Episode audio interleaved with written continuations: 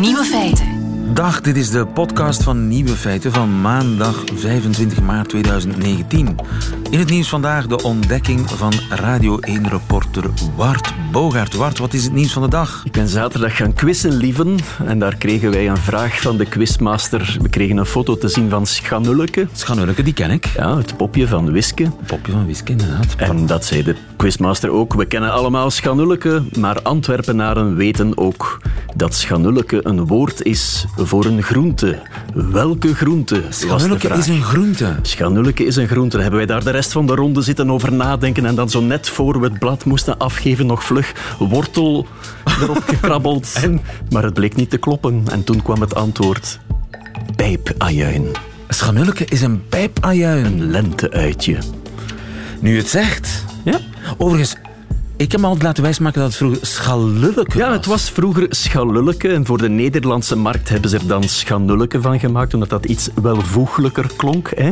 Maar dus schalulleke zou etymolo- etymologisch verwant zijn. Je kan het een klein beetje horen met echalot, schalot, schalulleke en voilà. We hadden het moeten weten, verdorie. We hadden het moeten weten en we weten het nu en we vergeten het nooit meer. Dankjewel Bart Bogaert. De andere nieuwe feiten vandaag. De klimaatcoach, hij bestaat in Nederland. De meeste dieren kennen hun grootouders niet. In Adinkerke is het EK Meeuwenschreeuwen gehouden. En zonder grote stad geen god. Alex Visorek houdt de vinger aan de pols in Parijs. En schrijfster Stella Bergsma, haar nieuwe feiten hoort u in haar middagjournaal. Veel plezier. Nieuwe feiten.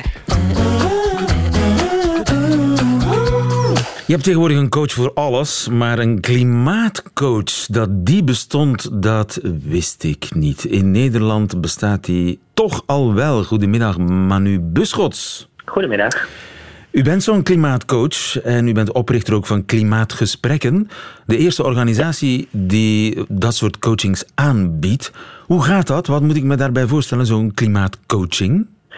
Ja, ehm, het is misschien een beetje een groot woord. Je zou ook zeggen, kunnen zeggen cursusleider. Ehm, want wij bieden een zesdelige workshopreeks aan. En mensen kunnen dan eigenlijk ehm, elke keer in een paar uur tijd leren wat zij zelf kunnen doen om klimaatvriendelijke keuzes te maken. Dus het is geen Ja, het is één op om een, één eh, coaching, het is een soort workshop die je volgt. Het is, een, eh, het is in een klein groepje mensen, vier tot acht mensen, dat je een workshop volgt. Een dus klimaatpraatgroep. Ja, ja, zo zou je het kunnen zeggen. Ja. En waarover gaan die gesprekken dan? Hoe, hoe eh, gaat dat, zo'n klimaatpraatgroep? Ja, nou dat gaat in de eerste bijeenkomst eh, over de grote vraag die, we, die ook wel in het maatschappelijk debat leeft. Van wat kan je nu als individu doen? Moet de overheid niet veel meer doen? Moeten bedrijven niet veel meer doen? Eh, moet er een klimaatwet komen? En eigenlijk vragen we dan ook aan mensen van ja, maar als je zelf betrokken en bezorgd bent, eh, wat kan je dan zelf doen? Eh, hoe zie je je eigen rol in het grotere geheel? Daar beginnen we mee. Want dat is enorm van invloed of mensen daadwerkelijk zelf actie gaan nemen of eigenlijk gaan wachten op anderen. Namelijk of zij eh, zich verantwoordelijk voelen, of zij bereid zijn om Ja. zelf iets te doen. Ja. Dat is eigenlijk de eerste. Want ja, we weten eigenlijk allemaal wat we moeten doen. Hè? Minder vlees eten, minder vliegen, meer Ja. fietsen, Ja, ja. Minder Ja, dat kleren kopen, vaak- dat soort dingen. Dat zijn vaak de bekende dingen, maar dat is eigenlijk nog niet genoeg, hebben we wel gemerkt. Ehm, want als je zegt, ja, ik weet dat ik minder vlees moet eten, wat wij dan in de workshops zien, is dat mensen zeggen, ja, maar wat ga ik dan eten wat lekker is? En dan moet je dus ook een lekker vegetarisch gerecht kennen. Dan moet je weten hoe je dat kookt, moet je weten waar je dat haalt. En vaak zitten we daar nog tegenaan te hikken, omdat we denken, ja, maar zonder vlees is het niet lekker. En dan weten we het wel, maar doen we het nog niet. Het Dus zijn eigenlijk het praktische tips om om de kennis in de praktijk om te zetten. Ja, absoluut. En, eh, en net als bij eh, sporten helpt dat dan om het in een groepje te doen. Want ehm, ja, als je op de bank zit, dan denk je ik zal nog even verder gaan met Netflixen. Maar als je hebt afgesproken met de groep, dan ga je er toch echt tijd voor inruimen. Aha. Dus ik vind het wel belangrijk. Het maar is het. AA-systeem. Nou, dat, eh, dat is wel heel dramatisch, hè, de anonieme alcoholisten. Eh, maar het is wel een beetje op dezelfde eh, principes gebaseerd. Dat in een groep kom je vaak verder dan in je eentje. En het heeft een stimulerend effect. En je wordt ook eh, ja, scherp gehouden door de groep. Want ze vragen natuurlijk ook de volgende keer als je elkaar ziet: van en is het gelukt? Ehm, was het lekker? Of, of heb je op een andere manier kleding gevonden? En, enzovoort. En eh, ja, Eh, Dus er ontstaat een soort van interne competitie van om tenminste CO2 uitstoten. Nou, dat absoluut niet, want ehm, daar zijn nou juist die coaches voor opgeleid en dat maakt het toch iets anders dan, eh, dan een gewone cursus. Om ervoor zorgen dat je elkaar niet de maat gaat nemen. Dat je niet gaat zeggen, kijk, ik doe minder dan jij of je bent niet goed bezig. Want daar haken mensen altijd op af. Ehm, dat is denk ik ook de manko van de milieubeweging geweest eh, tot nu toe. Eh, dat het gaat over minder en moeten en mag niet en het is niet goed. En eigenlijk stimuleert dat helemaal niet om in actie te komen. Dus bij de groep stellen we ook de vraag van wanneer ben jij nu tevreden? En voor de een is dat als hij niet vier keer per jaar vliegt, maar bijvoorbeeld dat één keer eh, minder doet. En voor de ander is dat eh, als hij van vegetariër naar veganist gaat. Voor iedereen is dat een andere Ja, volgende ja. stap. Het gaat om de vooruitgang die je maakt. Het gaat niet eigenlijk per se om het eh, resultaat. Ja. Om, om grams, Nou, het- grammen CO2, daar gaat het niet om. Nee, het is geen competitie, het is ook geen, geen, geen wedstrijd. Eh, het gaat erom van, ehm, kunnen we je helpen eh, op een coachende manier om de stappen te zetten die jij belangrijk vindt. En mensen leren ook wel dingen die ze nog niet wisten. Ehm, want er zijn naast de standaard dingen eh, vaak ook mogelijkheden die, waar mensen nog niet aan denken. Je kunt zeggen, ja, je moet minder met de auto en meer met de trein. Ja. Maar dan denken mensen nog niet aan, ja, je kunt ook een keer thuiswerken. Ah, dat klinkt alweer positiever. Uh, of je kunt een keer carpoolen. Uh, dus je, je kunt nog steeds met de auto gaan, maar zorg dan dat er twee mensen in die auto zitten in plaats van één. En Ja. ja, dus nieuwe mogelijkheden ontdekken om, uh, om die kennis in praktijk te brengen. Zeg, ik, ik ga met de trein en de fiets naar het werk. Wat, wat, zou jij, wat is Ja. het eerste waar jij aan denkt hoe ik mijn eh, CO2-uitstoot zou kunnen verminderen? Ja, nou laat ik beginnen met een compliment. Dat is toch wel tof dat je dit doet. Um, en uh, ja, wat doe je op andere vlakken qua, qua eten, wonen? Uh, ja, ik, ik, ik woon in een beschermd monument. Dus Mhm. qua isolatie is dat al ja. wat minder. En Ja, uh, qua eten, ja, ik, ik eet zo ongeveer alles. Ja. Oké. En um, Het ziet er niet goed uit, hè? wat zijn... een beschermd monument is altijd wat lastiger om dan dingen in je woning te doen. Ja. Maar vaak kan je nog wel kijken naar bijvoorbeeld, wat veel mensen niet weten, is dat je als je een oude koelkast hebt ehm, en je vervangt die door een nieuw model, dat dat toch al veel bespaart. En Ja, ja.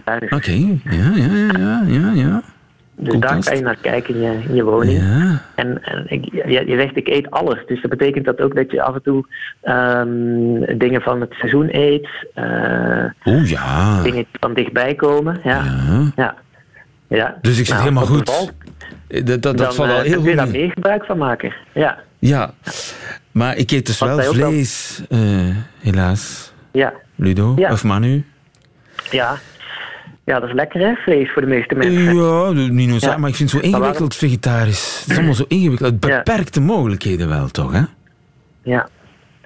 Ja, het beperkt vaak wel de mogelijkheden zoals we ze kennen. Hè. Dus we, we zijn met een bepaalde, bijvoorbeeld in restaurants of, of met onze opvoeding, hebben bepaalde dingen gewend geraakt. Ehm, maar eh, heb je misschien vegetarische vrienden of, of, vegetari of ga je wel eens naar een vegetarisch restaurant? Nee, ik heb wel vegetarische vrienden, maar ik heb ook niet vegetarische Ja. vrienden natuurlijk. En vegetarische restaurants, ik zou, ik zou... Misschien moet ik die maar eens gaan zoeken. Ja, het zou veel op kunnen leveren, want het is vaak ook de manier waarop het klaargemaakt wordt. Mensen die beginnen met vegetarisch, die denken van, oh, dat is niet te eten en ik mis echt iets. Maar dat is ook wel omdat je het nog niet zo gewend bent om te koken en, eh, en, en de beste mogelijkheden nog niet. Dus een vegetarisch restaurant, daar mensen vaak verbaasd van hoe lekker ze het vinden. Ja. Ehm, En dat soort tips kun je te horen krijgen in zo'n eh, klimaatpraatgroep. Die bestaan al in Nederland onder leiding van Manu Ja. Buschots. Dankjewel Manu. Veel succes. Goedemiddag. Graag gedaan. Nieuwe feiten. Coucou de France. Met Alex Visorek. Wat er aan de hand is in Frankrijk, dat weten we. Want elke week praat Alex Visorek ons bij. Alex Visorek, mijn landgenoot en France Inter collega. Goedemiddag Alex. Goedemiddag, lieven. En ik zal deze week starten met een opmerkelijke verklaring van mijn collega-journalist Lea Salamé. Aha. Ze interviewt elke ochtend politici op France Inter en ook op France 2 in de show L'émission politique. Maar deze week heeft ze iets bekendgemaakt. Je vais en effet me retirer provisoirement de l'antenne de France Inter parce que nous rentrons dans une période de campagne. Huh? Ze stapt tijdelijk uh, op van France Inter en ook van de televisie, gezien de verkiezingscampagne start. Toch wel raar voor een politiek journalist. Dat is alsof Frank Raas zou zeggen, ik zal even vakantie nemen, want het is WK. Of alsof jij, lieven, zei, ik neem een pauze, want volgende week komen er heel veel nieuwe feiten. Maar waarom stopt ze tijdelijk? Parce que nous rentrons dans une période de campagne et que Raphaël Glucksmann, qui est mon compagnon à la ville, est candidat à ces européennes. Aha, haar meneer is voilà. kandidaat voor de Europese verkiezingen. Ja, haar echtgenoot staat op de kartellijst. Uh, hij is zelfs lijsttrekker van een linkse lijst tussen Le Parti Socialiste en zijn eigen partij, Place Publique. Dus zal Lea Salamé geen politici interviewen tijdens de campagne. Dat is haar eigen beslissing uh, in het uh, belang van France Inter, zodat er geen vermoedens over een belangenconflict kunnen ontstaan. Sommigen vinden dat heel moedig, maar er komt ook kritiek doordat het een vrouw die moet stoppen voor haar man. Hier polémiste Jan Moix. C'est catastrophique, ça renvoie une image de la femme d'une soumission totale. Euh, L'homme va au charbon et elle, elle reste faire la vaisselle. L'homme va au charbon ja. et elle reste faire la vaisselle. Dat hebben we allemaal begrepen, denk ik. De man gaat naar de, man. de, ja. de koolmijn. En de vrouw blijft thuis om de afwas te doen. En een beetje karikaturaal is dat toch. Uh, het is niet de eerste keer dat zoiets gebeurt, want er is iets in die air tussen politici en journalisten in Frankrijk. Er zijn toch wel veel koppels van een journalist en een politicus. Dus proberen ze toch hun eigen loopbaan onafhankelijk te houden. Bijvoorbeeld journalist Christine Ockrent, die uh, voorzitter was van de openbare zender France 24, toen haar man Bernard Kouchner ministre van Buitenlandse Zaken was. C'était pour moi la chose à ne pas faire. Votre Écoutez, mari ministre des Affaires vous n'auriez pas dû, dû dire diriger la chaîne de, de, des Affaires étrangères. C'est un truc de fou. Ah, ça y est, on va recommencer Bah, la si. polémique. Oeh la la, grote polemiek. Ja, soms is het ook de man die stopt met zijn job. Zo is bijvoorbeeld de man van de huidige vrouwelijke minister van Sport, een sportjournalist. Geen goede combinatie. Hij is dus gestopt, maar vaker is het toch wel de vrouw die haar job opoffert. Marie Drucker, Beatrice Schoenberg, Anne Sinclair, Isabelle Juppé, Audrey Pulvar. Dat zijn allemaal vrouwelijke journalisten die van het scherm moesten verdwijnen door hun relatie met een mannelijke politicus. Audrey Pulvar werd bijvoorbeeld buitenspel gezet omdat haar echtgenoot Arnaud Montebourg kandidaat was voor de socialistische primaire in 2012 en dan minister werd. Maar volgens Montebourg kon het ook anders geweest zijn. Je ne vois pas pourquoi ce serait toujours les femmes qui paieraient. Les hommes aussi peuvent parfois avoir l'élégance euh, de s'effacer. En ce qui me concerne, tel n'est pas le cas puisque euh, j'ai décidé de euh, m'engager dans la euh, primaire socialiste pour obtenir l'investiture. Mannen moeten ook zelf stoppen, maar ik niet. En dat zal voor de volgende keer zijn. Een andere bekende koppel van een journalist en een politicus waren Valérie Trierweiler en François Hollande. Natuurlijk. Maar het belangsconflict heeft Hollande zelf opgelost door ontbijt op bed te brengen naar comedienne Julie Gaillet. Ja, zo kan het Frankrijk is dus... uh, het is een oplossing. Is dus een land waar journalisten en politici meer dan interviews samen doen. Als ze onbekend zijn, gaat alles goed. Maar anders moet dan een van de twee een keuze maken. En wat denkt Jan Moix, onze polemist, van de keuze van Raphaël Glucksmann, de man van Lea Salamé? J'ai beaucoup d'amitié et d'affection pour Raphaël Glucksmann. Maintenant, je pense que la capacité qu'il a à faire bouger les choses dans ce registre est nulle. Il ferait mieux de rester chez lui, écrire ses livres. Voilà, het zou beter thuis zijn boeken blijven schrijven, want dat is inderdaad een andere kant van de zaak. Raphaël Glucksmann is oorspronkelijk geen politicus. Hij is een journalist en auteur, maar midden vorig jaar heeft hij een linkse beweging opgericht. Hij is dus zelfs een soort journalist die in de politiek stapte. In België kennen we dat. Er is Siegfried Baken bijvoorbeeld. En in Wallonië zijn er ook veel nieuwsankers die op verkiezingslijsten zijn gekomen, maar vaker rechts dan links. In Frankrijk is dat soort transfer zeldzamer en vaker links. Er is journalist Noël Mamère bijvoorbeeld, die een groot figuur van de Groene Partij is geworden en kandidaat op la présidentielle.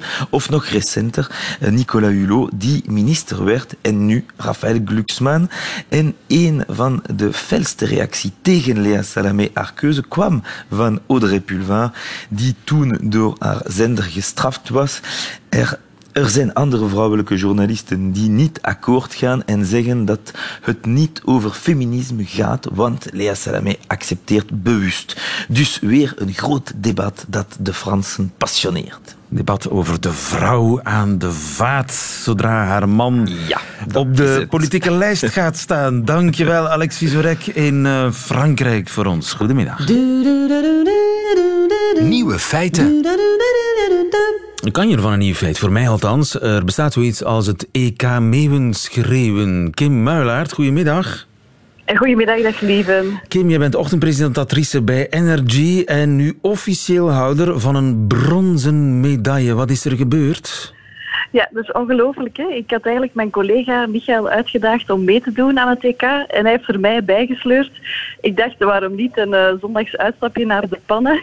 Daar gebeurde en, uh, het daar is het allemaal gebeurd. In Adenkerke, in een uh, bruin kroegje. Heel sfeer is allemaal zeer West-Vlaams. De verloren Gernaren. De verloren Hernaren?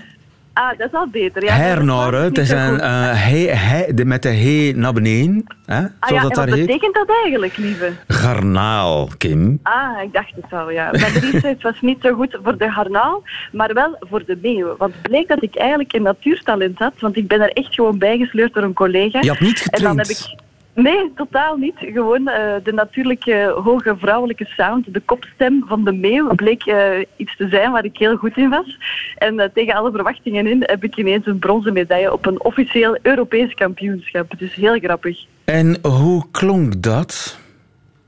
Ik ga mijn telefoon ver genoeg houden, hè? Graag. Wow. Jezus, Kim! Ja. En dat, dat kwam er zomaar uit. Dat had je niet. Dat, dat is een natuurtalent dat je. Hoe oud ben je, Kim? Ik ben 29. 29 jaar. Wist jij, wist jij niet dat je eigenlijk een meeuw was, Kim? Nee, maar vanaf nu, je begrijpt ook liever dat ik een carrière switch ga doen. Uh, radio kan de pot op. Ik moet nu mee worden, hè. het kan niet anders. Hè. Want de, er komt nog een. Je hebt het EK, dus daarna volgt een WK. Ja, dat moet ik ook nog eens uitzoeken, want dat EK is eigenlijk ook een initiatief van een natuurliefhebber die gewoon de meeuw in een positief daglicht wil stellen. Het was ook alleen maar Europees, omdat er één Hollander bij was, die ook gewonnen heeft trouwens. Uh, dus het is allemaal wat ludiek. Ik denk niet dat er zelfs een WK bestaat. Maar als het niet bestaat, moet ik het misschien organiseren. Dat is ook een idee natuurlijk. Dat is een goed idee. Het WK meeuwen schreeuwen. Waren er eigenlijk veel concurrenten? Was er, waren er veel meeuwen in dat Café de Gernaren? De verloren Gernaren, sorry. Ja, behoorlijk wel. Er waren twintig mannelijke en wel maar zeven vrouwen. Dus de kans was sowieso statistisch hoog dat ik een medaille zou halen. Uh, maar het was heel gezellig en uh, er werd altijd gevraagd, waar zijn de meeuwen? En dan werd er geflapperd met de armen alsof we aan het vliegen waren. Het was een zeer unieke ervaring. Het leven zoals het is. De verloren Gernaren in uh, Adinkerken. Nogmaals gefeliciteerd met je bronzen medaille, Kim Muilaert. Dankjewel. Meeuwschreeuwtalent van Energy. Goedemiddag. Nieuwe feiten. Altijd benieuwd. Een nieuw feit in de religieuze sfeer. Zonder stad geen God, blijkt uit grootscheeps historisch onderzoek. Een onderzoek waar ook Pieter aan heeft meegewerkt. Pieter François, goedemiddag. Goedemiddag, lieve. Je bent historicus aan de Universiteit van Oxford in Engeland en uh, je hebt meegewerkt aan een zoektocht naar God in meer dan 400 beschavingen die gedurende 10.000 jaar hebben bestaan in 30 regio's over de hele wereld. Wat blijkt uit dat onderzoek?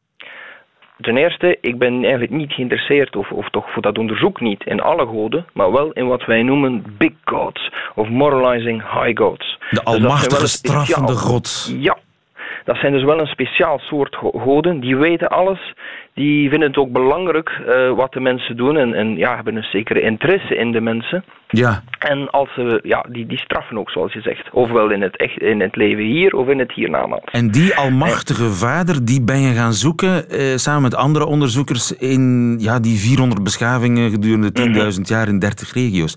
En ja. heb je die gevonden?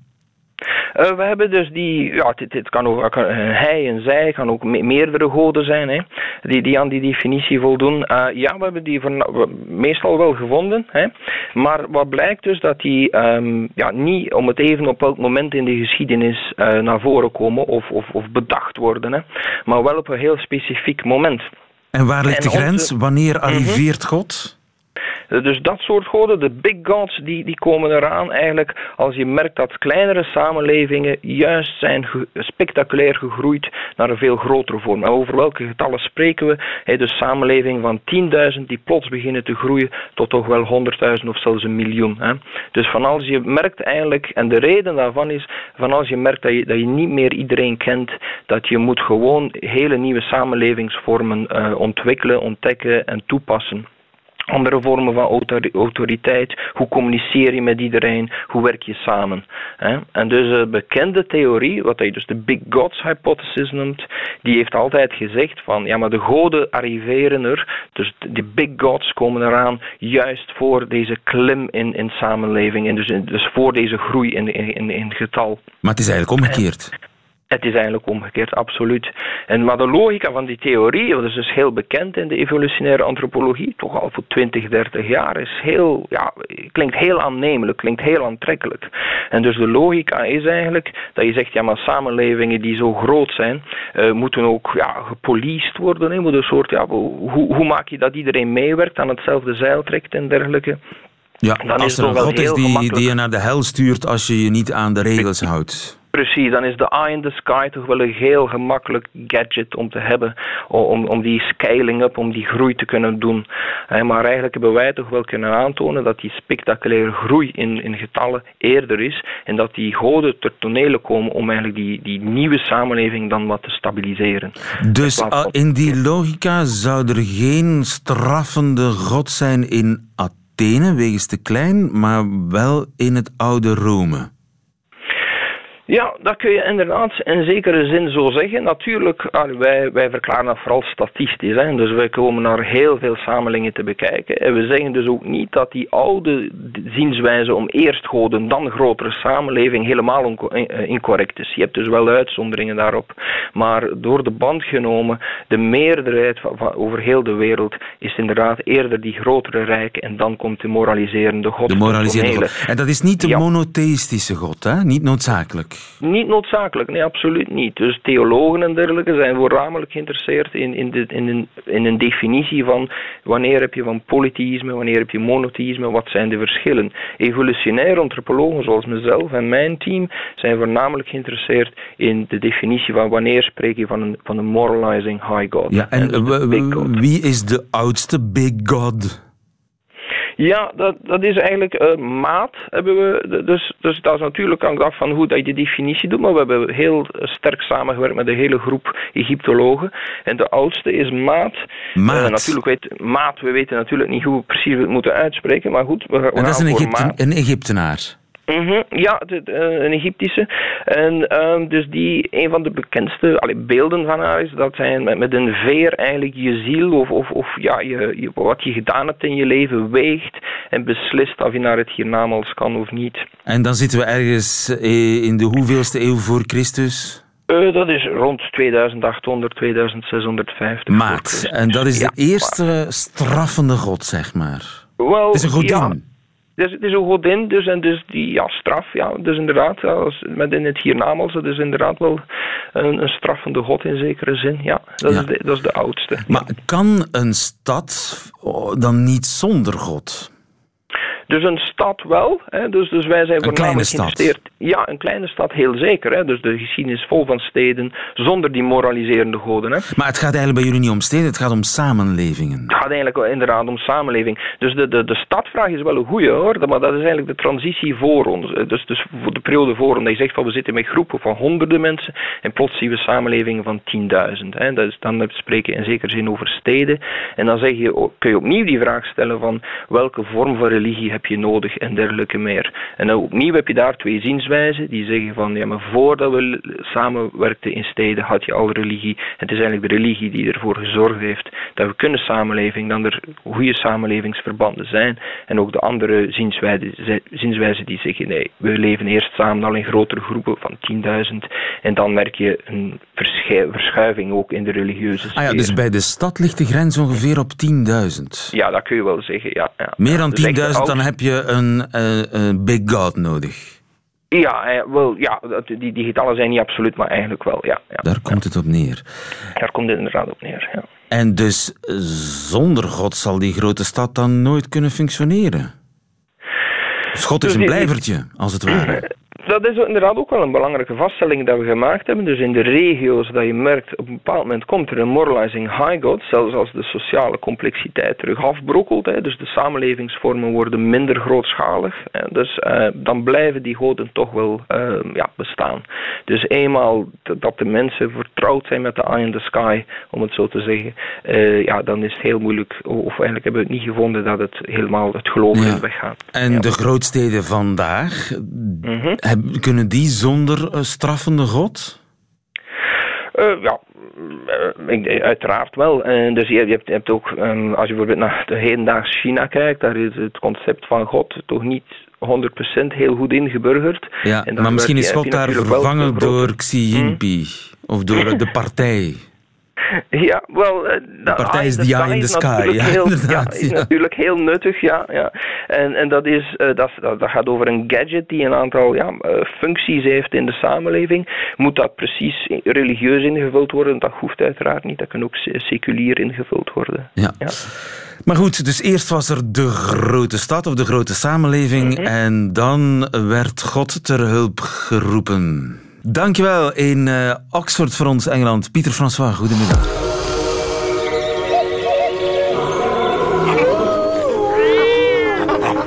Nieuwe feiten.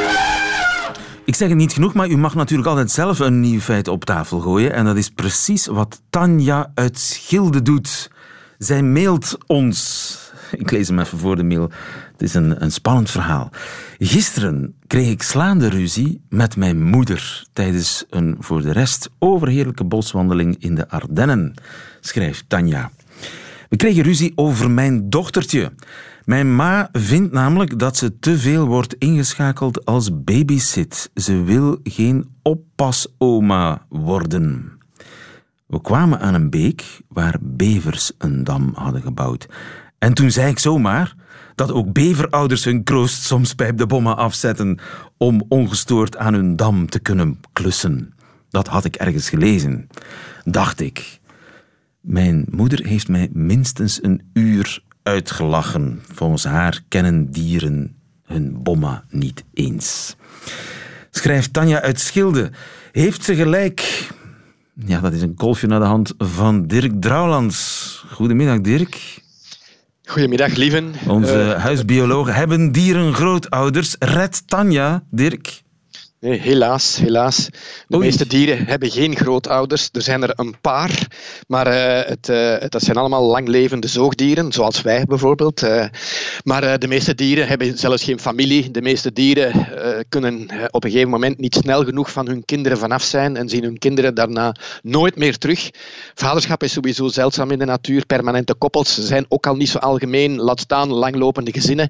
Dus er is gewoon geen ruimte in de biologie van de meeste diersoorten. Maar zoals altijd zijn er naast ons ook een paar uitzonderingen op Aha. deze regel. En de En dat zijn dan de uitzonderingen zijn bijvoorbeeld de olifanten. Omdat die lang Die- leven, natuurlijk. Die leven lang, die hebben een eh, familiegroep eh, die gestuurd worden door de, eh, m- dus de oudste vrouwen, de, de de facto oma's in dit geval dus, die ook de grootste kennis van het systeem hebben. En er zijn eh, experimenten gebeurd met zo half in gevangenschap levende Indische olifanten, hè, dus de Aziatische olifant dan, waarbij dat onervaren jonge moeders het tot acht keer beter doen als ze bijgestaan worden door hun grootmoeders. En dat zou soms zelfs gaan tot het verschaffen van extra melk, wat ik een beetje eigenaardig vind voor, eh, voor, voor, voor, voor, voor, voor eh, enfin, dit Oma soort dieren. zoogt het kleinkind.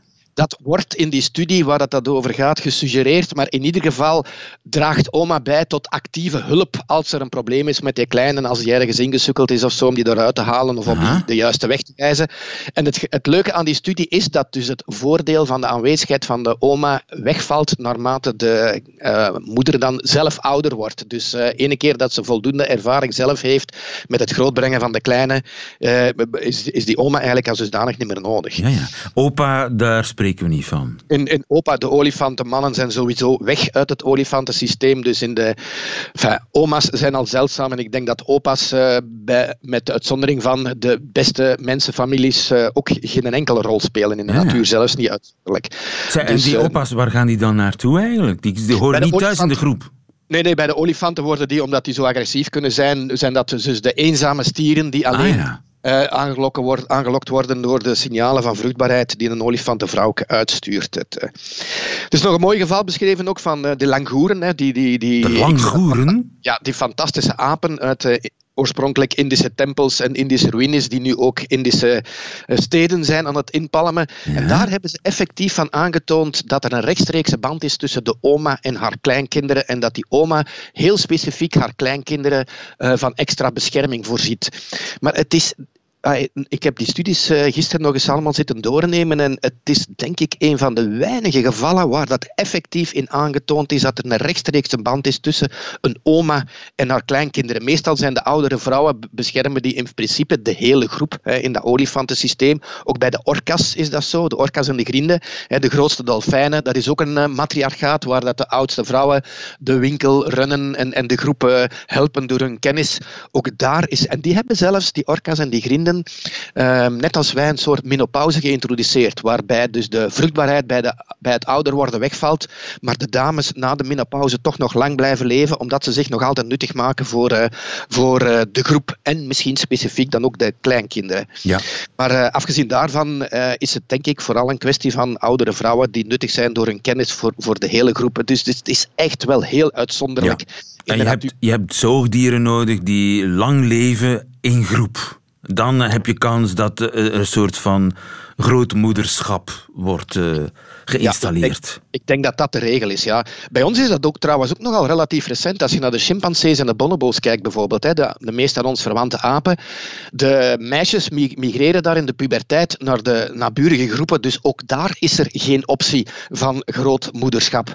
Omdat het, eh, omdat het al- altijd de vrouwen zijn die zich verplaatsen en van de mannen is niet geweten wie, wie, de, wie, de, wie, wie überhaupt de vader is. Ja. Dus, eh, en, dus waarschijnlijk is dat dan bij de voorhistorische mens ook geweest en is dat bij ons ontstaan pas na 10.000 jaar geleden, nadat wij territoriaal geworden zijn en effectief in echt in ander soort familieband zijn gaan samenleven. Dus de jagers-verzamelaars hadden ook geen oma.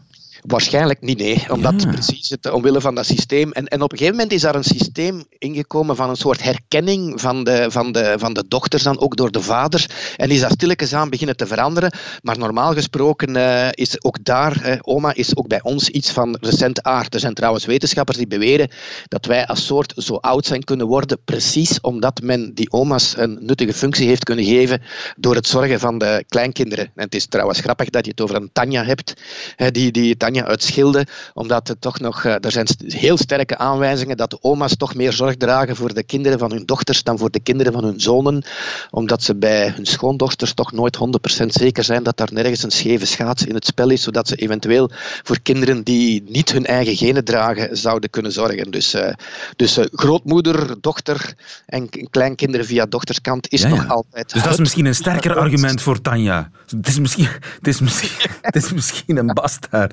Enfin, maar we, we, we- volgens mij dwalen we af, eh, Dirk. Eh, Dus het gaat alleen om zoogdieren. Sowieso bij niet-zoogdieren eh, is er geen grootouderzorg. Of zie ik dat verkeerd? Ja, er zijn er een paar gevalletjes beschreven waarin dat men daar lijkt op te insinueren dat het wel bestaat. Onder andere een Nederlands onderzoek bij de Seychelles, een rietzanger.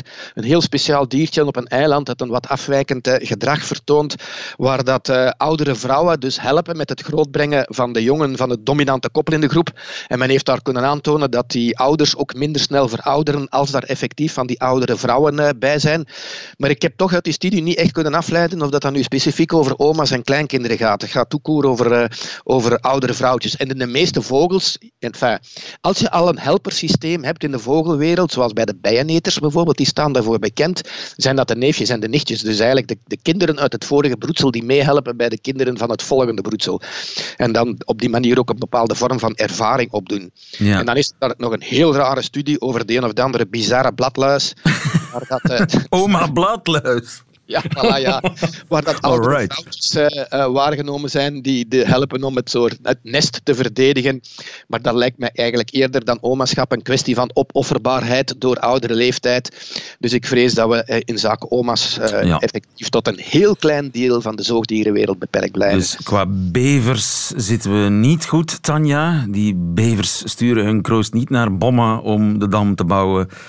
Het zijn alleen een paar uitzonderingen die helaas niet eh, in Vlaanderen of in Wallonië in België voorkomen. Ze zal andere argumenten uit de kast moeten halen, ons Tanja. Dankjewel, Dirk Drouwlands. Goedemiddag. Goedemiddag, lieven. Graag gedaan. Radio 1. Dieren kennen dus geen grootouders. Het laatste nieuwe feit op deze 28 maart. Behalve natuurlijk die in het leven van Stella Bergsma, de schrijfster die het middagjournaal voor ons bijhoudt deze week. Nieuwe feiten. Middagjournaal. Liefste Zuider, vriendjes en vriendinnetjes. Het heeft even geduurd, maar daar ben ik weer. Jullie favoriete Nederlandse knuffelfeministe Stella Bergsma. Woordfetischiste, schrijfster, borrelbefster. Oh, over dat laatste. Ik hoorde dat er een liedje van onze nederbodem ook bij jullie is doorgedrongen met de schaamteloze tekst Hou je bek en bef me. Dit schijnt de gemoederen nogal bezig te houden. Redacties van tv en radioprogramma's schieten wakker, bezorgde ouders zijn in paniek en columnisten geïnspireerd. Dit schrijft een van mijn favoriete columncollega's en medefeministes, Helene de Bruyne. De discussie die het lied oproept is er eentje over schaamte en schaamteloosheid. Mag Merel, zo heet de zangeres, dit zomaar zingen? Is het niet te grof? Aan de andere kant zeggen, rappen en zingen mannen al sinds jaar en dag dit soort teksten. Het klinkt als een dubbele standaard. Maar de Bruine ziet dit niet als het probleem. Haar gaat het om de gebiedende wijs. Het befbevel, zeg maar. Heeft die man wel consent gegeven? Heeft hij wel zin in deze oraalopdracht? Is dat dan waar de emancipatie toe heeft geleid? Dat vrouwen zich net zo naar en horkerig mogen gedragen als mannen? Maar het antwoord op deze vraag is natuurlijk: het is helemaal geen gedrag. Het is tekst, taal, woorden, kunst. En ja, woorden zijn vrij. En het zou mooi zijn als ze even vrij zijn voor mannen als voor vrouwen. Geen extra condoom voor de wijfjes. En reken maar dat dat wel zo is. Zo werd ik vorig jaar nog op een school geweigerd vanwege mijn schaamteloze teksten. Het betrof een verhaal waar de woorden geil en borsten in voorkwamen. De lerares die dat te ver vond gaan noemde Jan Wolkers kies in vergelijken bij mij. Jan Wolkers, die heeft geschreven Scheid voor me, ik lik de stront van je reet. Afgelopen vrijdag werd de grootste nog levende schrijver Michel Wellebeck warm om niet te zeggen bloedheet onthaald op het boekenbal.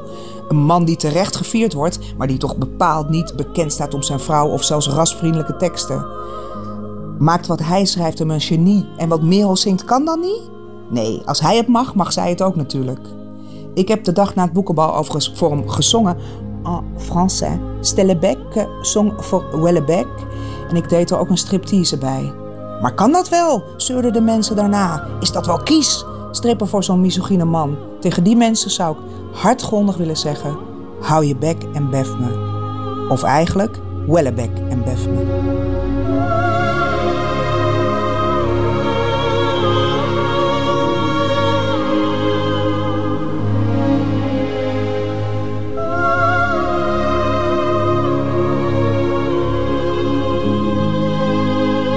Stella Bergsma, de schrijfster in het Middagjournaal. Einde van deze podcast, maar u vindt er nog veel meer op radio1.be en op de gebruikelijke podcastkanalen. Tot volgende keer.